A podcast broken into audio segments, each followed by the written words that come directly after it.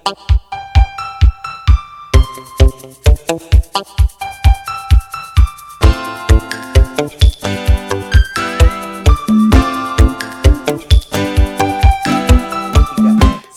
pagi.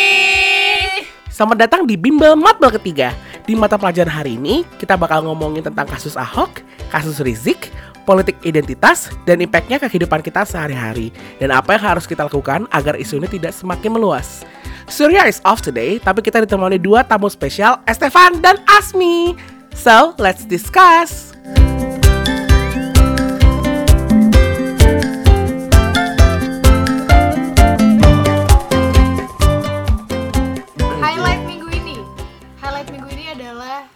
Pemberitaan Rizik ditetapkan sebagai tersangka. Oh, Hashtag kami tetap bersama RHS. kenapa RHS? RHS Rumah Sakit Hussein Gaya. Nah, RHS. anjir. Terus dan segala macam yang Eh, tapi serius hashtagnya kami bersama RHS. kami tetap tetap bersama RHS. Even though dia Gua sudah dijadikan tersangka seba tersangka kasus. Gue takut. gue guys sebenarnya gue takut ketawa tapi gimana? Maafin ya. Nggak ini ini ini sorry banget bukan maksudnya ofensif tapi itu tadi gue membacakan highlight gitu dan juga ada satu post yang gue suka minggu ini adalah eh, apa perbedaan Luna Maya, Cutari sama Firza. wait what? Yes, enggak apa perbedaannya? Coba tebak? semuanya jadi korban sex tape or sex scandals? Hmm, iya, tapi yang dua pertama pe- perlakunya tanggung jawab. Damn. tapi sebenarnya tapi sebenarnya menurut gue yang menarik dari dari pemberitaan Rizik ini What kind of jokes that Iya, tapi gue kesel banget. By the way, there's Estefan. Nggak, tapi tapi maksud gue adalah yang menarik dari dari pemberitaannya Rizik ini adalah gue melihat kenapa kayak terjadi sesuatu yang sangat hipokrit gitu loh dalam Ah, iya. dalam Iya, ini iya. ya nggak sih Jelas banget. ketika ketika Rizik kayak gini dia kayak nggak apa-apa dia di Arab nggak apa-apa dia Yes. mencari suaka perlindungan kayak Suaka. iya kan maksudnya kayak dia Iya, mencari dia mencari itu semua kayak dia mencari pembelaan bahkan dia mau ke PBB buat belain kayak Iya. what sementara kemarin aku kayak pe- pendukung-pendukung yang kami tetap pendukung RHS ini merasa kayak ya elah banding ya elah udah harusnya lima tahun tuh harusnya ini Iya. tuh harusnya ini harusnya ini harusnya ini dan menurut gua hal yang membedakan Ahok dan Rizik di sini adalah kita Ahokers guys gadeng Gak ada yang canda, cende. canda, yang cende. cende. Eh, tapi kalau gue kan gue sudah gue sudah mendeklarasikan episode pertama kalau gue Iya sih, Ahok. Beda-beda. Enggak maksud gue gini yang bedakan sikap. Maksudnya ketika Hmm. membedakan kasus Ahok sama kasus Rizik adalah Ahok enggak ya udah gitu maksudnya dia dia menerima keputusan hukum apa pun Iya. karena dia merasa hukum Indonesia sudah bekerja secara semestinya dia sudah diperiksa dia sudah disidang Iya. dan dia sampai bikin surat untuk nggak banding yang bikin gue ambiar Parah. parah kan Iya. gue ngeliat surat aja ambiar bos Dan Gua- semua gua- sahabat Nemo menangis. Iya semua sahabat Nemo menangis. Sementara Rizik di kasus yang oke dia belum diperiksa karena apa dia nggak diperiksa karena dia mangkir Nih, sampai mau dibikinin apa Yes. red note sama polisi kan? what? Oh, iya deh, iya deh kalau gue baca. buat ke Interpol itu kan? Iya, iya, iya, iya. Nah maksud gue kayak ya ya mungkin ini salah satu cara polisi untuk memanggil dia dengan metode sebagai tersangka dan pemeriksaan pun sebenarnya udah dilakukan kan ada alat-alat bukti segala macam cuma Hmm. gue bingung aja kenapa dan inilah kenapa kemudian gue berpikir bahwa ya at the end of the day Ahok di sini korban politik dan mungkin Rizik pun sama korban politik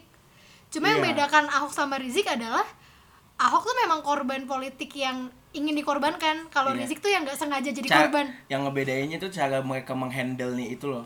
Iya, da- dan maksud gue mungkin awalnya Ahok ini Ahok tuh emang sesuatu pengen dikorbankan kayak ayo Iya. kita kita kita menyerang dia. Tapi kalau Rizik tuh mungkin dia ibaratnya kena buah si malakama gitu loh. Iya. Berbalik padanya akhirnya gitu. Tapi gini maksud gue, eh menyebut Rizik sebagai korban politik tuh menurut gue agak-agak ambiguous gitu gak sih maksud gue? Oke.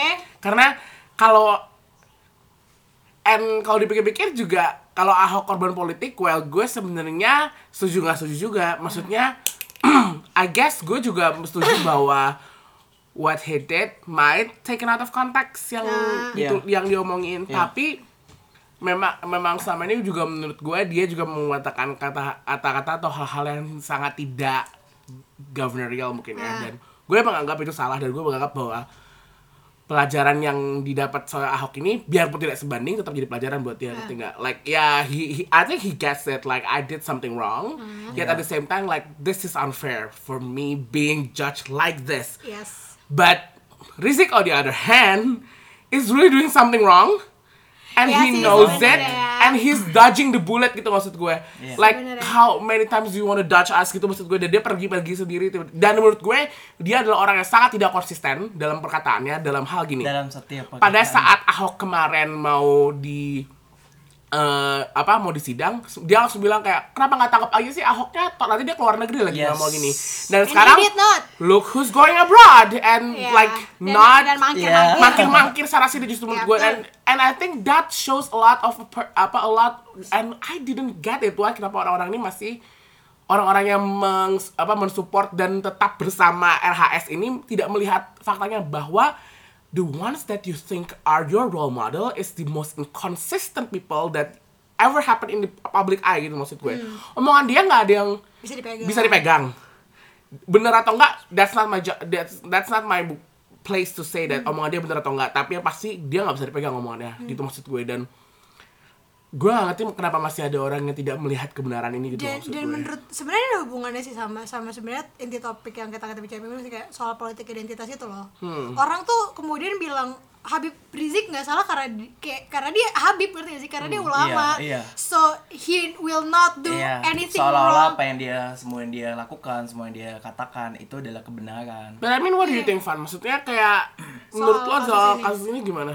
Kalau gua sih eh, dari kasus ini gua kayak tadi ya gue coba mem- mem- membandingkan antara gimana si Habib Rizik ini dan Ahok eh, menghandle eh, the same situation gitu kan. Jadi situasinya sama gitu. Mereka sama-sama ter- terjerat kasus hukum. Nah, di sini gue ngelihat bahwa Ahok yang tadi udah sulit juga cerita bahwa eh, dia menerima gitu keputusannya bahkan tanpa melakukan banding gitu. Nah, in the other hand, si Habib Rizik ini malah eh, yang kita tahu juga semuanya dia malah mangkir dan sampai sekarang tuh sampai dapat red note dari kepolisian gitu untuk untuk diminta kembali segera ke Indonesia. Nah, di sini gue bilang apa ya? That shows a lot of personality gitu loh. Iya, iya. Nah, dan yang gue heran sama sama kayak lo pak basicnya karena uh, apa sih maksudnya lo udah lihat lo ini contohnya jelas gitu Iya, di iya. depan mata terus apa sih yang membuat lo mendukung dia lo masih support dia itu yang masih sama jadi jadi pertanyaan juga buat gue untuk kasus ini Dan gue gak suka banget ya kemarin yang kita, tadi kita baca beritanya bahwa kalau misalnya dia mau balik ke Indonesia, dia baru Yes. Rizik Iya. akan siap siap balik ke Indonesia. Indonesia kalau dalam tanda kutip dalam bandara- kutip. bandara dalam tanda lumpuh iya Jika bawa bandara FPI dalam tanda kutip dilumpuhkan oleh teman-temannya di FPI yang di Indonesia and Iya. I think it, that shows a lot of person who is so Yes. selfish dan menurut gue dia coward gak sih kayak lo pulang ke Indonesia untuk menghadapi tuntutan hukum dan lo membutuhkan Iya. support sebanyak itu ngerti gak sih Hmm. dan lo membutuhkan untuk orang-orang melakukan Iya. aksi buat lo hell no kayak bandara mau punya lo doang ya lo presiden aja bukan raja Iya. sampai aja itu bukan anjir like I still don't get it like who the fuck is he think he is? Gitu maksud gue. Kayak kebal hukum apa gitu maksudnya? I don't know. Mungkin dia gue curiga dia jadi alat politik dan dijanjikan segala macam gitu loh kayak Bisa, iya bisa. nggak sih? Ini kita agak konspiratif sih pemikirannya cuma kita mulai membangun teori ya kita di mau sini. bangun teori di sini. Cuma maksud gue kayak ya it's possible gitu. Maksudnya kan sampai dia bisa merasa gue bisa nih gue yang punya Indonesia gue punya Jakarta gue yang Iya. punya kayak gue nggak I'm not I'm untouchable ya aduh untouchable banget nih. Gue gak suka banget. kalau dia ngomong gitu. Tapi maksudnya gini ya dan yang lebih ironis adalah Firzanya yang maju. Ngerti gak maksud gue? Iya. dia yang like I'm not I'm not beginning to be sexist right now but you're the man. Ya like lo harusnya tanggung jawab juga gitu loh. And then nah and now you've been undermining women for so long and now the women step up for you. To me that is just so ironic gitu maksud gue. Tapi gini kita udah terlalu udah terlalu mangkir banyak kan ngomongin Rizik ya tapi kayak gue pengen fokus ke bapak Ahok sebenarnya gitu maksud gue. And how he is now really just being the victim of identity politics ngerti nggak maksud Yes. gue menurut lo gini gini sebagai Suli sebagai lo yang berada yang bukan Dalam berada ya satu etnisitas. dalam satu ethnicity menurut lo gimana? Menurut gue apa ya sebenarnya kan gini ya gue gue nggak pernah tahu gue gue sendiri ketika gue kecil aja gue jadi kayak black girl kayak saying Obama gitu. Nggak tahu maksud gue eh, ngerti kan di Indonesia tuh gue di di di, di pemikiran gue bahwa ya emang Cina tuh nggak akan I'm not going to say Tionghoa karena eh, kepanjangan Hmm. Em, jadi kayak kenapa kenapa gue mikir Cina itu nggak mungkin sampai Ahok itu hebat karena dia gubernur karena tadi bener gak ada Cina sebelumnya yang dapat posisi jabatan tinggi yang gue tahu Correct. Iya. Iya gak sih? Bahkan tuh jadi RT Iya. RW aja pun sesusah itu karena sebenarnya itu karena ya apa ya? Etnis Tionghoa, etnis Cina dan etnis apa namanya Jawa di Indonesia itu emang udah sa- udah lama saling clash Hmm. sehingga dan emang etnis Cina yang selalu menjadi apa ya kambing hitam Hmm. yang menjadi mungkin ada satu dua hal yang di di di diomong apa sih yang dilakukan sama pendahulu gue dulu sehingga membuat ada clash itu ya gue nggak ngerti cuma maksud gue Iya. it happens for a really long time dan ketika hal itu kemudian di, digunakan untuk kepentingan politik ya wajar gitu loh itu tuh kayak easy target gitu loh kayak Iya. hahaha Cina Kristen nih kayak Ah, kenain selesai. selesai kenain apa lawan politiknya PKS eh, sorry tuh sih tapi maksud gue ngerti kan kayak Iya, iya, iya, iya. it's a conservative Muslim party gitu dan Hmm. gue nggak bilang PKS adalah pihak yang jahat atau enggak cuma maksud gue ketika lo bermain politik you will do whatever it takes to win gitu loh To termasuk gain power lah to ya. gain power gitu loh dan apa namanya gue setuju kemarin gue nonton di mata Najwa ada yang bilang kayak sebenarnya hal ini nggak akan terjadi maksudnya politisi nggak akan menggunakan isu ini untuk memenangkan pemilu untuk Hmm. untuk campaign politik ketika apa masyarakatnya nggak nggak mudah digoreng nggak Iya, sumbu iya, pendek. Iya. ketika masyarakatnya bisa berpikir panjang kayak gitu ketika karena kayak ibaratnya lo nggak akan nanam benih kalau lo tau tanahnya nggak akan subur. Iya. Kan? Dan menurut gue tuh itu poin yang menarik sih sebenarnya. Ini tuh kayak timbal balik aksi reaksi. Yes. jadi pasti kan kayak public camp kayak gue yakin lah penasihat public campaign ya gitulah Hmm. orang-orang kampanye mereka pasti akan kayak ngetes dulu nih jeder jeder kegoreng nggak wah kegoreng nih kasih lagi deh Eh makin gede. eh makin gede kasih Tapi when lagi it deh comes to Nah. sumbu pendek tuh gue makin merasa tahu bahwa apa orang-orang kita tuh makin banyak kayak sumbu pendek ngerti nggak maksud gue? Iya. Maksudnya gini, even in in Christian community gue makin merasakan bahwa bahwa tadi itu kita lebih banyak yang diem ayam, Iya. yeah. sekarang semua orang kebakar emosi itu Iya. gampang banget gitu maksud gue. And I am guilty as charged waktu kemarin yang terjadi eh waktu kemarin akhirnya Ahok divonis 2 tahun itu gue sempat ngelain Suli kayak like which march which march should I come like I wanna march what this this is not fair Be- and it's because for the first time in my life as a Christian I don't feel safe for the first time in my life I feel a witch hunt behind my back ngerti gak maksud gue karena gini kalau ra- kalau this is a different story bahwa kalau yang terjadi adalah oh cuman ada banner tulisan maaf eh, selamat Natal kalau- jangan oh, apa dilarang iya. mengucapkan selamat Natal that is one thing and I can agree uh, and I I'm not agreeing with that but in the say in a sense I can I can I can live I can lah. accept gitu loh. Iya. I can be like, okay, agree to disagree maksud gue. Iya. But now you're actually witch hunting me for being a Christian and being and for you is being a Chinese person. That to me for the first time I feel like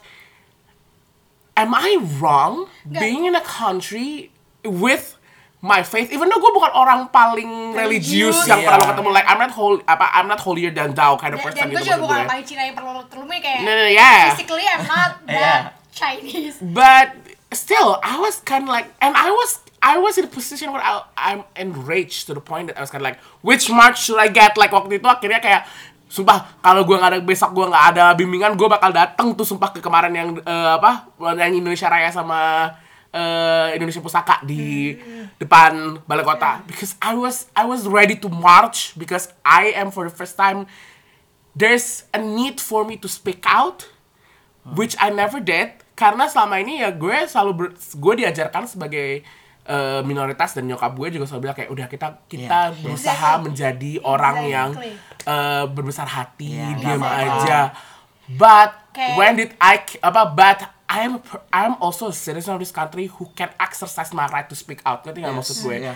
like I'm not saying that I have to be as apa ya as eh anar anarkis anarkic ya, se, se anarkis melakukan hal-hal anarkis seperti yang dilakukan mungkin orang-orang lain atau gue bener-bener ngeblok jalan ngerti nggak? Tapi at the same time I wanna speak out. Where- even though gue gak, gak bukan buzzer yang mm di Twitter ya gue tetap ngomong bahwa I don't feel safe. This is my opinion about this because I think this is the I think we need to speak up just because who else gonna hurt us? Who else gonna know that we're not feeling safe rather than ourselves saying that we're not feeling safe gitu loh maksud gue. Tapi kalau Stefan gimana? Oke. Kalau tadi kan se sulit tadi nyebut-nyebut kampanye, kalau gue uh, ngelihatnya juga dari perspektif kampanye sih, menurut gue. Uh, salah satu yang faktor yang mem, mem- ini menurut pendapat gue, menurut gue masyarakat Indonesia itu gampang kegoreng dengan isu-isu seperti ini adalah uh, kita punya sejarah buruk gitu loh dengan dengan isu ini with with with Chinese community with with uh, pokoknya sama minoritas mayoritas isu ini tuh kita punya sejarah cerita Sangat buruk lah. Nah dan itu jadi luar biasa saat di saat di tahun itu di 98 lah kita sebut aja.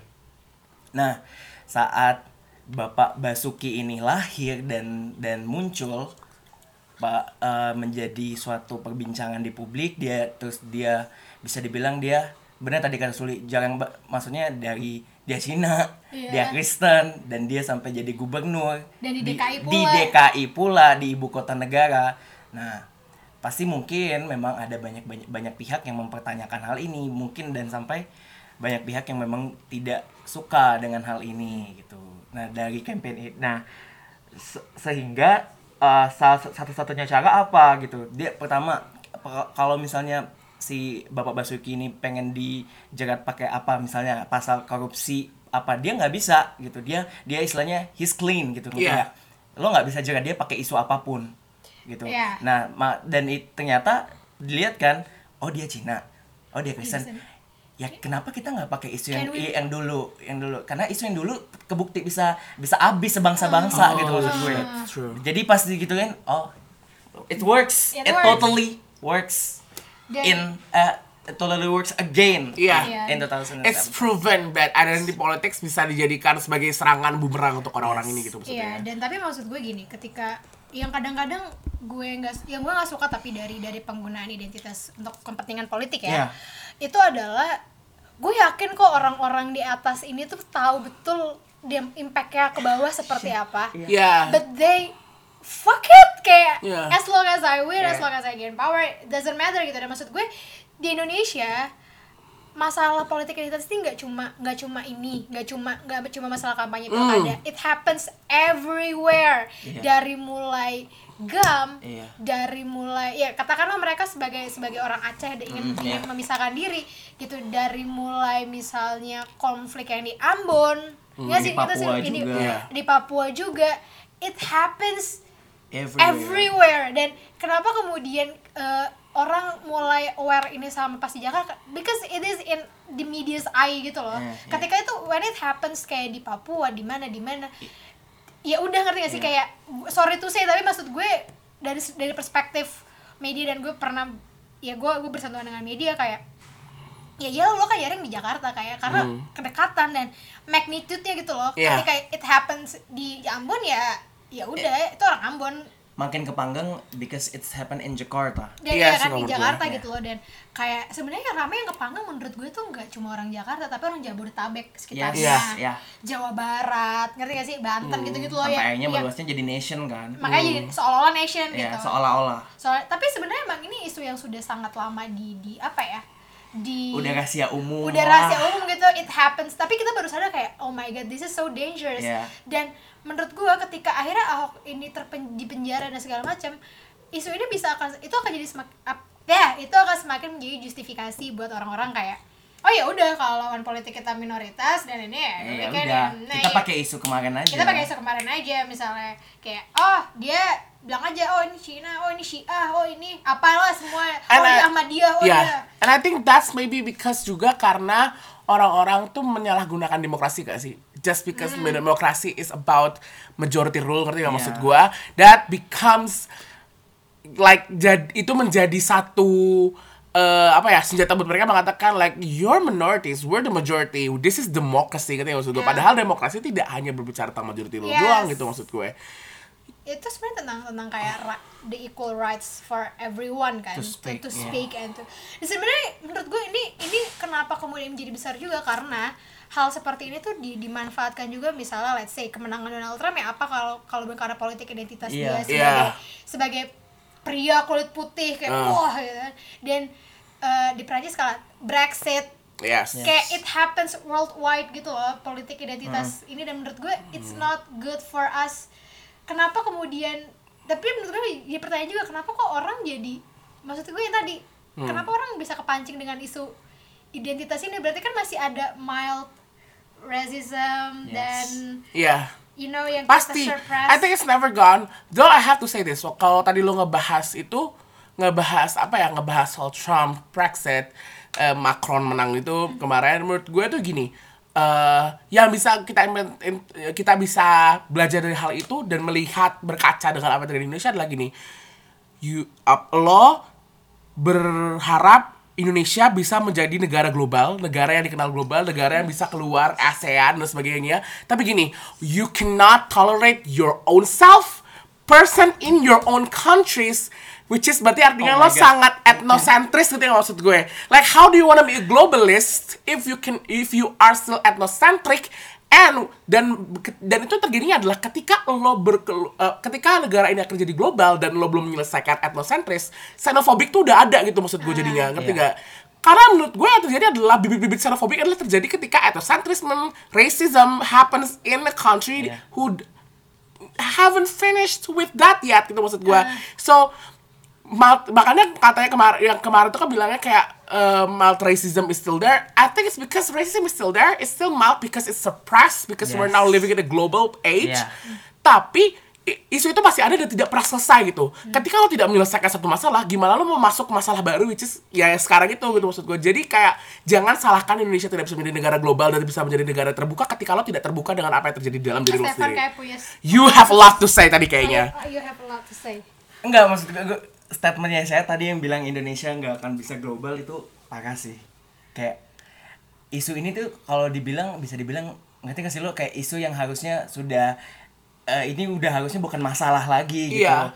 Kenapa jadi istilahnya going backwards gitu lo lo jadi balik lagi ke masa lalu dan menurut gue kalau kita sel- eh, masih bermasalah dengan hal ini kita masih istilahnya eh, nggak bisa ngatasin cuma eh gue akan bilang cuma ya. Cuma mengha- cuma masalah perbedaan kita nggak bisa ngatasin masalah menghargai satu dan yang lainnya. Kita masih kesulitan banget dan kita nggak bisa melakukannya dari dulu sampai sampai detik ini.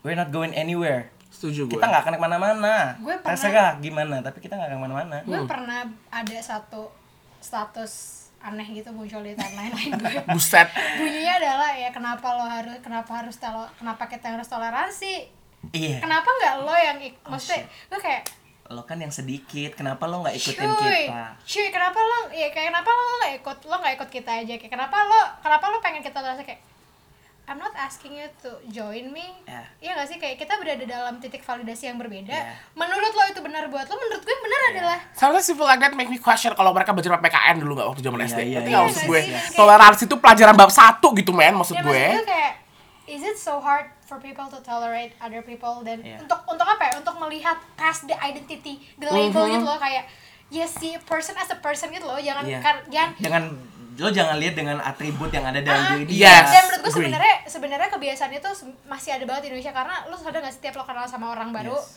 kayak lo agamanya apa what the fuck iya cuy lo what orang mana iya lo orang kalau orang mana gue masih Mungkin masih oke oke lah lah ya. kayak oke mungkin tapi kayak udah yang agama lo apa Like my faith is not your business. Nggak Iya. maksud gue?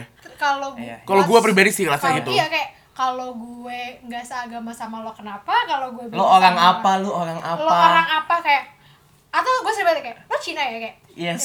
so ah iya gue gue so keturunan what's problem here What's the Kalau secara kaji, here? kalau secara komunikasi mungkin kita bisa bilang bahwa orang Indonesia itu selalu membangun commonness gak sih? Mereka pengen kedekatan, tapi gue nggak mengerti, mengerti yang gue nggak ngerti adalah so are we gonna be friends or are we gonna do apa kalau kita bisa bekerja sama ketika commonness kita sama? Kita punya satu commonness ketika maksud gue. nggak- nggak kan gitu. enggak dong ketika kalau toleransi justru terjadi ketika we have different thoughts we have different ethnicities we have different identi- identity but we can still work together gitu loh maksud Ya. gue. And Kesamaannya kayak talking about how Indonesia will not be global is gini berita Ahok adalah berita nasional bukan hanya berita nasional tapi berita luar negeri Yes. like gue inget banget kayak New York Times like after Yes. two minutes after itu AP udah ngeluarin gitu maksud gue. Associated Press gitu maksud gue Eh, dan itu nunjukin dan itu menunjukkan bahwa apa lo in, lo nggak like how can in, apa, para investor luar negeri ngeliat itu gimana ya maksud gue? Kayak negara ini belum selesai masalahnya dan gue I want to invest in this country.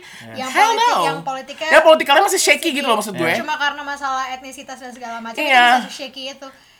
Dan tapi menurut gue gini kenapa kemudian ini menjadi besar di luar negeri adalah karena berita ahok di luar negeri karena lu tidak gak sih kita suka dibilang kayak we are the the the apa ya contoh role model untuk diversity gitu gak sih maksudnya diversity Oh, shit. and demokrasi demo- demokrasi muslim gitu bahkan Iya. ketika Raja Salman datang dia mengapresiasi moderasi Islam di Indonesia Iya. dan segala macam macam dan ketika bam Ahok di ini langsung kayak nah we're stop being the role model kayak we are not Gila. guys Stop I'm being role sorry model.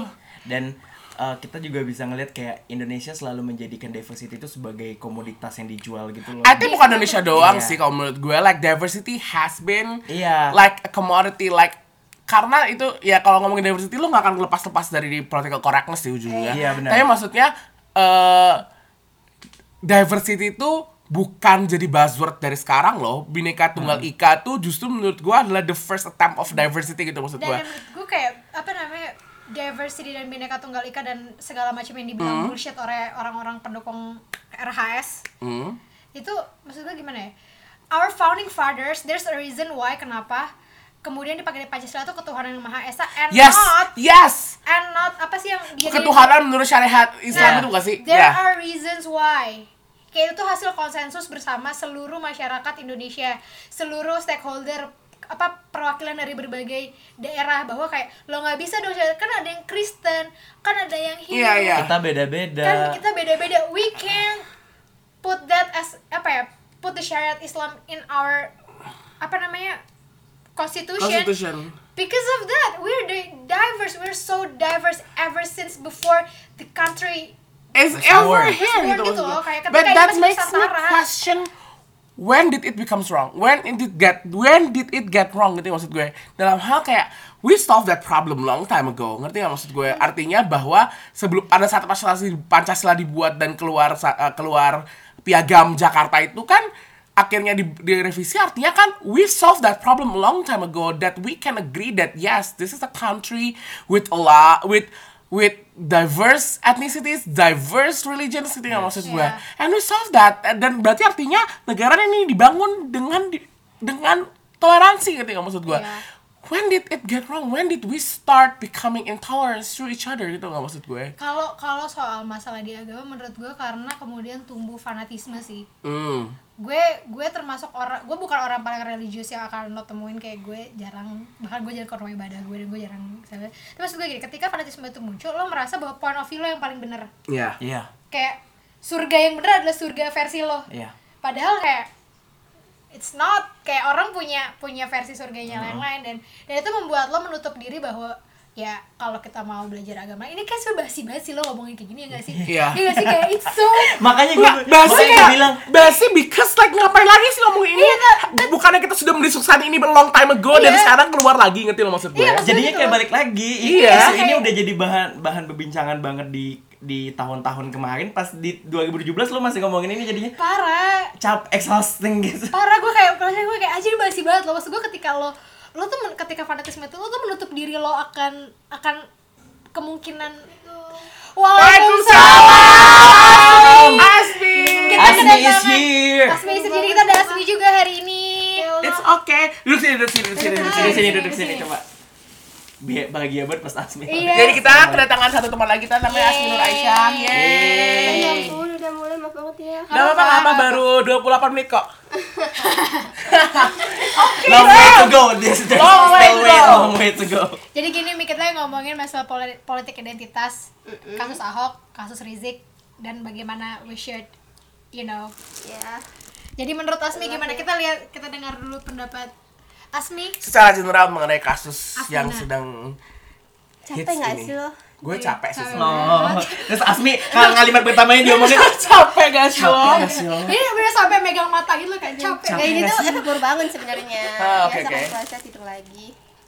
Sebenarnya capeknya ini sih, aku ngelihatnya tuh gimana media bener-bener mengaruhin gaya kita beragama gitu loh. Maksudnya Oke. padahal itu kan politik gitu. Nggak ada hubungannya sebenarnya menurut menurut kita yang yang ya yang neliti lebih lanjut mungkin. Buat orang-orang awam kan ngelihatnya sama. sama aja. Kalau menurut aku sih ya itu sangat memengaruhi orang dalam beragama. Orang yang setengah kiri jadi makin kiri mungkin jadi nggak percaya Tuhan. Iya. orang yang setengah kanan lagi sebelah kanan jadi ke kiri gitu ikut ikutan kan. Itu sebenarnya apa itu tujuannya nggak tahu saya juga. Horor ya Iya sih. Iya langsung Iya diem sih. semua. semua langsung tertegun Langsung tertegun. Apakah saya terpengaruh atau tidak? apakah saya kiri atau kanan Apakah saya kiri atau kanan? ayo kita tahu kanan Nggak, tapi tapi Mi, menurut lo sendiri pandangan lo soal kasus Ahok dan reaksi orang-orang dan terus kasus Rizik dan perkembangannya reaksi orang-orang sampai dengan saat ini dan bagaimana politik identitas sangat mempengaruhi kehidupan kita sebagai anjing ini Umat beragama. umat beragama biasanya es kayak di kampus aja lo merasa gak sih kayak gak tau sih gue merasa gue jadi rada renggang dengan ya beberapa oknum karena I kayak gue pernah gue pernah menegur dia secara itu terus kayak Iya kayak yang tadi aku bilang itu mem- mempengaruhi bukan bukan cuman cara kita beragama tapi mungkin ca- cara kita berteman juga gitu. Karena kadang kalau kita punya pendapat beda yang beda. kayak kita bawa-bawa gitu nggak sih ke sehari-hari ya terus jadi kebecandaan terus jadi Iya, kayak- ada yang ada yang satu pendukung Habib Rizik 7 juta followers. Apa itulah nggak ngerti Iya, saya iya, juga iya. itu rame banget terus ada yang ngedukung gerakan seribu lilin segala macam kan Iya. itu terlihat banget dua kubu yang berbeda dan itu pun di kita kerasanya itu kelihatan banget beda meskipun nggak sampai melakukan gerakan ada yang sekadar berpandangan doang bahkan ada yang bukan warga Jakarta pun gitu Hmm. dan nggak nggak punya KTP Jakarta untuk memilih Ahok saat itu tapi ya ya gitu sangat mengaruhi hubungan kita sama orang lain dan juga sama Tuhan Hmm. jadi sejauh itu guys ini tuh Oke. impactnya tuh se, se- se- Sejauh itu. sejauh itu semasif itu Iya sih, gue setuju sih. Tapi gue sangat setuju dalam hal bagaimana kita, bagaimana media mempengaruhi kita dengan cara beragama karena gak cuman kasus ini aja tuh banyak banget yang bisa dibicarakan walau dan kayak jadinya tuh kita kalau gue malah ngerasanya jadinya kita seakan-akan kayak mengais-ais berita untuk membenarkan agama kita, Iya. untuk membenar untuk menyalahkan agama lain atau bahkan kalau kita yang nggak beragama untuk membenarkan bahwa ya gue pengen jadi ateis aja ujung-ujungnya ngerti nggak maksudnya dan itu bukan cuma hanya berita soal Ahok dan Rizik sekarang aja Iya. sih banyak hal kok menurut gue kayak misalnya yang kemarin kasus satu universitas PTN mengeluarkan Yes. surat bahwa surat LG- bahwa lo LGBT. tidak terjerat LGBT itu terjerat lagi kata-kata. Gue gak suka banget. Jadinya kayak seakan-akan Ta- tapi itu yang membuat gue jadi problematik ketika ya udah jadinya tuh seakan-akan kita disetir sama keadaan itu loh. Uh, agama gue disetir sama keadaan Iya. gue ngerti nggak maksud gue? Udah berat ya udah Berat mulai, banget. udah mulai banyak blank blank ini udah mulai mikir karena gue tertegun sih karena karena gue apa kata-kata asli tadi membuat gue berpikir banyak Iya, hal gak sih? iya. gue sangat berpikir bahwa itu iya sih nih gila datang-datang bikin gue ba- bagus bikin bagus. Bagus Gimana bagus ya? bagus. Bagus bagus Jadi gue bener-bener lelah banget gitu loh. Tapi emang capek sih Mika tadi gue juga pas ngomong ini kayak ini basi banget gak sih sebenarnya?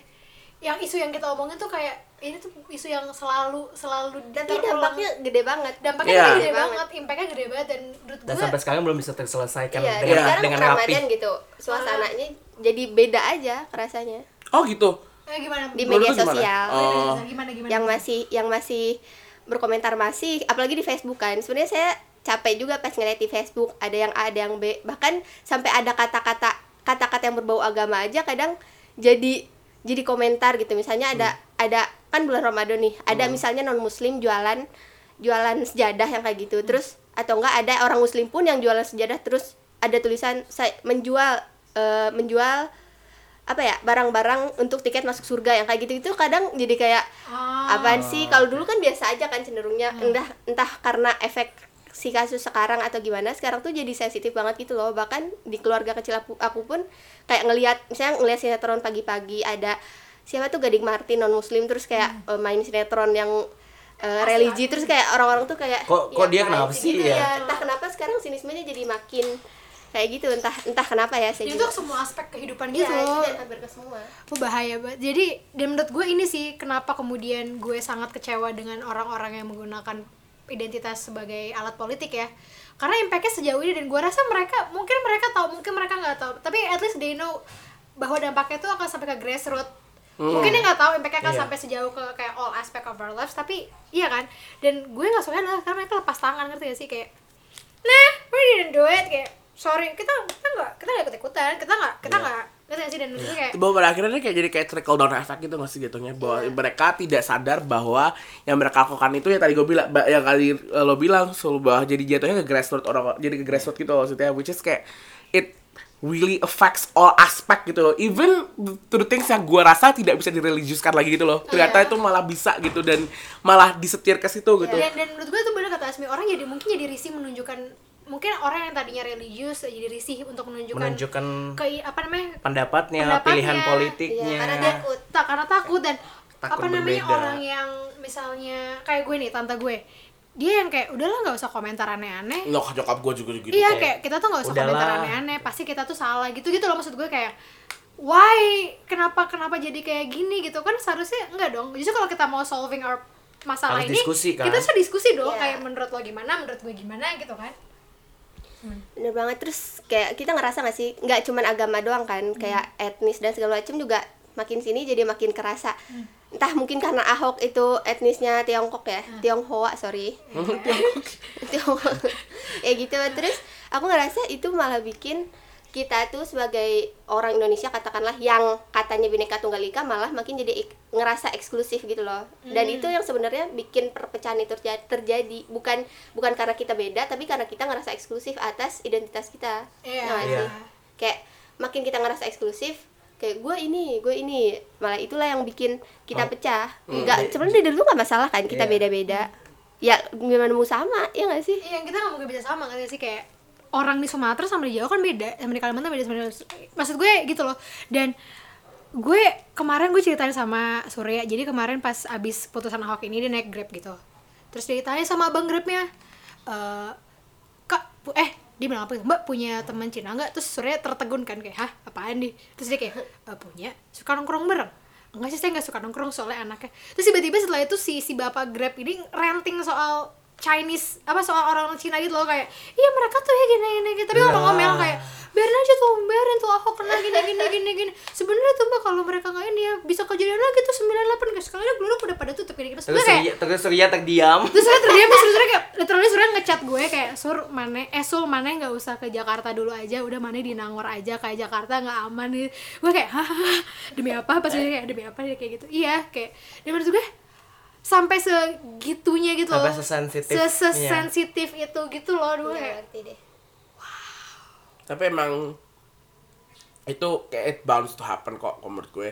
Karena ya akhirnya orang-orang itu pernah ah, punya suara yang terwakili ngerti gak sih? Bahwa oh berarti gue bener nih kalau sekarang gue lagi pengen kesel sama satu etnisitas itu gak maksud gue? jadi kayak justifikasinya gitu loh. Justifikasi menurut gue. Dan dan percakapan di Grab dan Uber tuh udah sering banget. Gitu. Kemarin akhirnya gue dapet sul ke beberapa oh nggak. Pas kita pulang dari eh, Europe on Screen di Jakarta gitu gue habis ketemu Suli sama teman-teman Suli sama Surya juga. Pas pulang tuh gue naik Uber kan naik Uber. Ya dia gitu juga dan kayaknya tuh dia karena gue brewokan dia hanya gue eh, dari agama sebelah. Jadi dia ngomongin gitu loh mas saya tuh kadang-kadang gini-gini. Dia nggak nanya agama gue dia nggak nanya ini tapi tiba-tiba dia langsung ngomong Langsung kayak- cerita, ya? langsung cerita dan ada satu kalimat yang bikin gue tertegun which is kayak apa ya kemarin dia bilang tuh oh eh, kayak gue tuh bing saya tuh gini ya ya udah sih kenapa sih ya udah lu ngungsi aja lo semua di gereja gitu loh. Terus gue kayak lah kok jadi gue gak gue gue gue gue tuh di situ gak ngomong karena kayak Oke, kalau gue ngomong apa pun nih gak ada yang bener, jadi gue mending diam aja deh. Di situ tuh gue bener-bener gue bener-bener ketak bukan ketakutan sih, tapi kayak bukan gentar juga, tapi kayak ngeri aja gitu loh gue, cringy banget gitu loh bahwa ya Allah nih ini beneran nih gue kejadian kayak gini nih sekarang nih. Kayak I cannot believe this is happening to me gitu loh. Bahwa kayak Oh, gue ngalamin loh. gue ngalamin oh, loh Oh, gue ngalamin loh ini. it's one it's one thing listening to people yang Iya. dengerin. It's another thing lo di situasi itu yang membuat lo kayak oke what should I do? Should I just shut up about this? Gitu maksud gue. Itu cringy gitu dan kayak gue selalu mendengar kok obrolan-obrolan itu sekarang. Artinya artinya obrolan-obrolan soal itu jadi lumrah gitu. Iya. yang membuat gue kayak kalau tadi Asmi capek ngomongin soal ini semua, gue capek kayak ngomong, gue capek mengucapkan kata-kata bineka tunggal ika itu fundamental guys.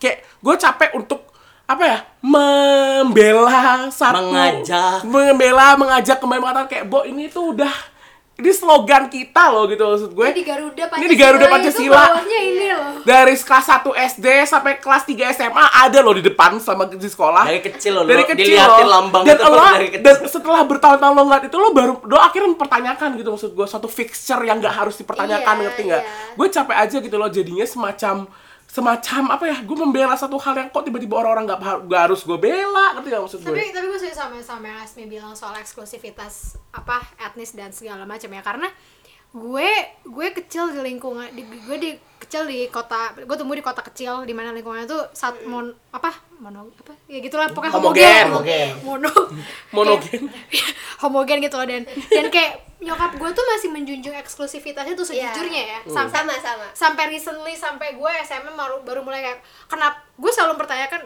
sesimpel kayak gue nikah harus sama Cina kenapa harus sama Cina kayak Ah, iya. kan kayak dan nyokap gue sesimpel itu jawabannya kayak because Chinese is better than pribumi itu kayak no.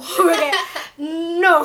Karena gue SMA di sekolah negeri kan di Jakarta dan gue berdipenuhi sama yang sangat diverse gitu dan Iya. gue nggak suka banget dengan istilah pribumi to be to be honest gitu kayak what does it even mean kayak itu tuh istilah yang dibuat sama kolonial Belanda untuk Yes, misah-misahkan thank you. untuk untuk mengkotak-kotakan kan untuk membuat kayak Pribumi itu yang di bawah. yang Jawa, iya, yang Jawa yang. Jawa dan segala Kayak membentuk kasta sosial aja Nah, sebenarnya. dan itu dibuat oleh kolonial Belanda dan itu kita bawa sampai sekarang. And we're Dan still using that term. berarti ada, maksud gue berarti gini, masih ada itu tuh sejauh itu adalah segregasi sistemik yang ke bawah sampai berabad-abad setelahnya gitu loh. And we still it's normal to use that word. Dan menurut gue gak suka banget kayak ya gue gue orang gue gue keturunan Cina tapi gue bisa bahasa Mandarin aja enggak gitu loh. Iya. Ngerti Iya, gak sih? iya. Gue bisa bahasa Mandarin aja kagak. Gue pernah ke Cina aja kagak. Gue punya saudara di sana aja kagak. Ya gue orang Indonesia gitu loh. Gue lahir born and raised Cikarang Orang Indonesia kebetulan aja etnis gue Cina ngerti kebetulan nggak? etnis gue Cina dan itu it happen sama orang-orang yang keturunan Arab ya nggak sih sama yang keturunan India sama yang apa mungkin mereka nggak punya saudara di Arab mungkin apa mereka cuma mewarisi nama memang. em, bahkan mewarisi fisik doang gitu Iya, loh iya. dan terus habis itu Arab dan ngerti nggak sih kayak dan mereka merasa dan kita eksklusif di situ tuh kayak no dude kayak no we're living in this country kita makan di sini kita jadi Hmm. duit di sini kita gede di sini kayak ya kenapa harus merasa eksklusif gitu Like loh don't touch my hair. Sorry I use that one. I'm, gue loh di kemarin pengen banget ngomong ini tapi gak bisa Like, guys. don't touch Like my don't touch my hair girl. Like gak bisa gitu maksud gue. I'm touching Ya. gitu eh bener kayak itu tadi akhirnya yang bikin itu mungkin dan menurut gue eksklusivitas itu udah berlangsung lama gak sih Mi? iya ya nggak sih dan itu tuh dimulai di keluarga kita sendiri banget Iya. Tadi aku juga ngalamin dan di kalau di keluarga aku masih ke etnis dan agama pun masih tertentu gitu karena Buddha nggak ada kan kalau di aku tuh di daerahku. Dan yang paling kerasa tuh kalau di daerah Sunda itu kalau ada orang dari Sumatera buka warung pasti lu nyebutnya itu warung Batak. Itu kayak udah selalu Bo- kayak gitu nggak tahu banget kenapa. ya. Iya. Yeah. Nggak ngerti sih penting suku dia Batak, Batak. suku dia Batak. Kita tahu suku dia Sumateranya Sumatera Batak gitu kan. Pasti orang Sunda itu nyebutnya itu warung Batak. Mau siapa pun nama yang punya warung pasti sebutnya itu warung Batak kayak, "Oh, mau beli mau jajan di mana?" Warung Batak gitu kayak. Oh, iya yaudah gitu. Iya nggak dan menurut gue hal kayak gitu tuh dilumrahkan itu kayak kita jadi tongkrongan nih misalnya Hmm. ada yang Batak dikit wetak ada yang medok dikit Jawa loh ada yang Jawir tiba-tiba. Jawir ada yang sipit dikit mau dari Cinanya kayak mau kagak kayak Bodoh amat.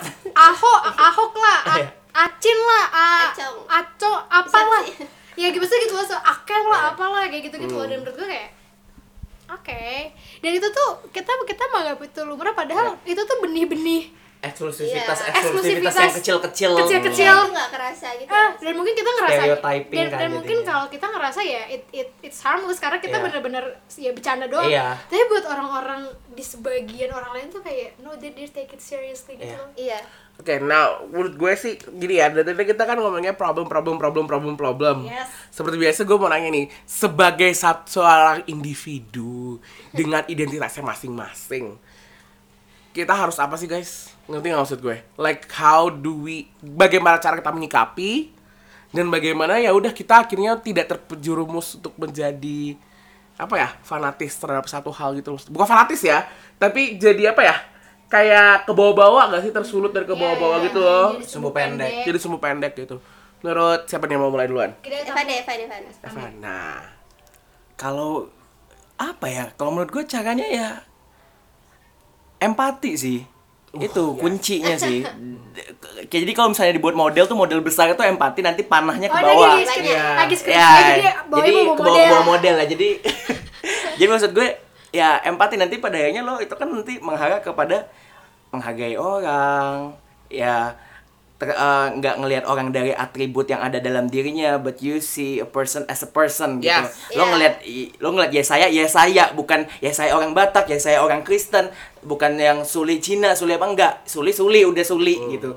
Udah kalau dari gue sih itu kunci besarnya dari gue sih itu doang. Kalau Asmi, Kalau dari aku sih eh, jangan diem aja sih. Maksudnya jangan diem Ya, aja tuh yes. kadang kita ngerasa gue netral, gue apa gitu-gitu kan. Nah, maksudnya up. jangan diem aja tuh speak up, entah itu di lingkup kecil, entah itu di lingkup besar. Mungkin di lingkup kecil kita bisa kayak mencoba untuk memberi pemahaman yang menurut kita ya sebisa mungkin baiklah ke teman dekat misalnya. Seenggaknya teman dekat kita aja dulu, nggak kepengaruh gitu. Terus kalau di lingkup besar mungkin bisa kita lewat ngirim artikel atau kita bikin kayak podcast kayak gini nih kayak kita udah ber- berusaha lah berusaha sedikit mungkin se walaupun itu kecil kita harus berusaha gitu jangan sampai yang bodoh makin bodoh yang kiri makin kiri Yang jadi makin nggak tahu, ya makin gitu nggak makin tahu. nggak tahu Hmm. intinya kayak gitu sih Sul.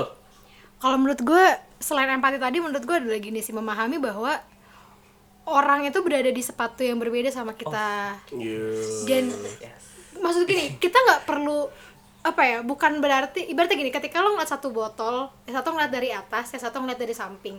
Itu nggak menjadikan yang, yang satu lebih benar daripada yang lain. Ini cuma kita ngeliat dari perspektif Arahnya yang beda, arahnya perspektifnya beda dan beda. kita harus memahami bahwa ketika kita melihat masalah, ketika kita melihat kasus Ahok, kita melihat kasus Rizik, kita melihat kasus ini gitu, apalagi yang membawa soal identitas, kita harus paham bahwa perspektif kita akan masalah itu tuh dipengaruhi oleh identitas kita tadi dan kita harus Iya. paham bahwa ada orang dari identitas berbeda yang melihat itu dari sudut pandang yang berbeda Iya, juga iya. and it doesn't make any opinion any less wrong or, or less Iya. right gitu loh dan Iya. yang kemudian adalah di dalam sedangkan adalah kita harus berdiskusi dan itu harusnya tadi selain buka buka suara kita pun har- tidak boleh menutup diri bahwa oh gue yang paling benar oh gue yang paling Nggak, nggak nggak. boleh gitu kita. Diskusi, harus kita terus diskusi, diskusi. kayak oke perspektif lo gimana perspektif lo. dan mungkin kita nggak kita nggak dan diskusi itu bukan untuk biar dia ikut kita atau kita ikut dia tapi Enggak. untuk mencari jalan tengah bahwa oh ini loh common groundnya Oh. ternyata masalah itu seperti ini loh jadi ya gini tadi kita agree kayak Asmi bukan pendukung Ahok gitu ya kan iya dan kalau untuk pilkada ya Iya, kalau Tapi untuk saya bukan orang Jakarta Iya, kembali. iya, Iya, iya, iya. Kayak Jadi Ahok, bisa ngomong eh, juga. Ahok, bu, eh, maksudnya Asmi itu bukan simpatisan Ahok, but at the end of the day, Asmi bisa melihat masalah apa namanya kasus Ahok ini ternyata lebih dari sekedar Iya. itu loh dan dan menurut gue itu itu itu yang harus kita lakukan gitu untuk menyadari bahwa ya people standing in a different shoes than us then we should talk about it Iya. kayak Dan gitu. kita harus sadar gak sih kalau setiap orang itu punya kompetensi yang mungkin gak sebanding sama diri kita. Yes. Yes. Kayak Iya. misalnya kita ngeliat, iya Ahok kayak gini, Ahok tuh apaan sih Ahok tuh gini, apa sih misalnya eh, nggak kompeten dia eh, dia Dia- Chinese dia menistakan agama. Kita nggak tahu kompetensi dia dalam memimpin ini seperti apa. Sama kayak kasus Rizik misalnya, apaan sih Rizik gini gini gini gini dia ngomongnya apa gitu kan, nggak bikin demo nggak jelas. Kita nggak tahu kompetensi Rizik dalam ilmu agamanya seperti apa. Maksudnya nggak belum tentu ilmu agama dia sama kita tuh lebih tinggian kita kan. Ya sama aja kan sebenarnya. Kita harus Iya. tahu orang tuh Oke. punya kompetensi sebenarnya di perannya dia itu Iya. sebelum kita nge apa ya ngejudge dia. Oke. Jadi mungkin gue sekalian nutup podcast ya. Um, I want you guys sedikit uh, mengcopy podcast sebelah punya saya. I want you guys to watch Dear White People, and here's why. Mungkin gue akan sum up semua omongan kali, kali mereka teman-teman tadi barusan. Uh, this show talks about where lack of empathy becomes a prejudice because we cannot understand each other. Prejudis terjadi ketika kita tidak tidak mengerti satu sama lain. Prejudis terjadi karena kita tidak berusaha mengerti satu sama lain. In order to understand each other, we need to create conversations. Understanding each other understands that there is differences. This is our differences, but we also have common grounds gitu maksud gue.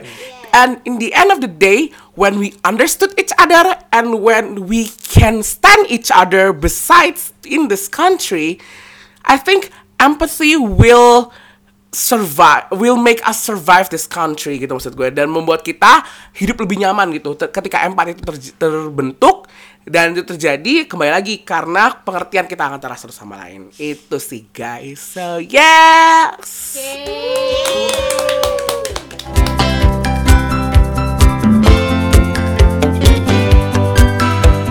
Terima kasih udah hadir di mata pelajaran ketiga Bimbel. Bimbel akan hadir tiap hari minggu dengan mata pelajaran yang lebih seru dan insya Allah berfaedah. Mungkin kamu setuju, nggak setuju, atau punya kritik dan saran, bisa follow dan mention kita di Twitter at Bimbel Podcast. Sampai jumpa di bimbel berikutnya.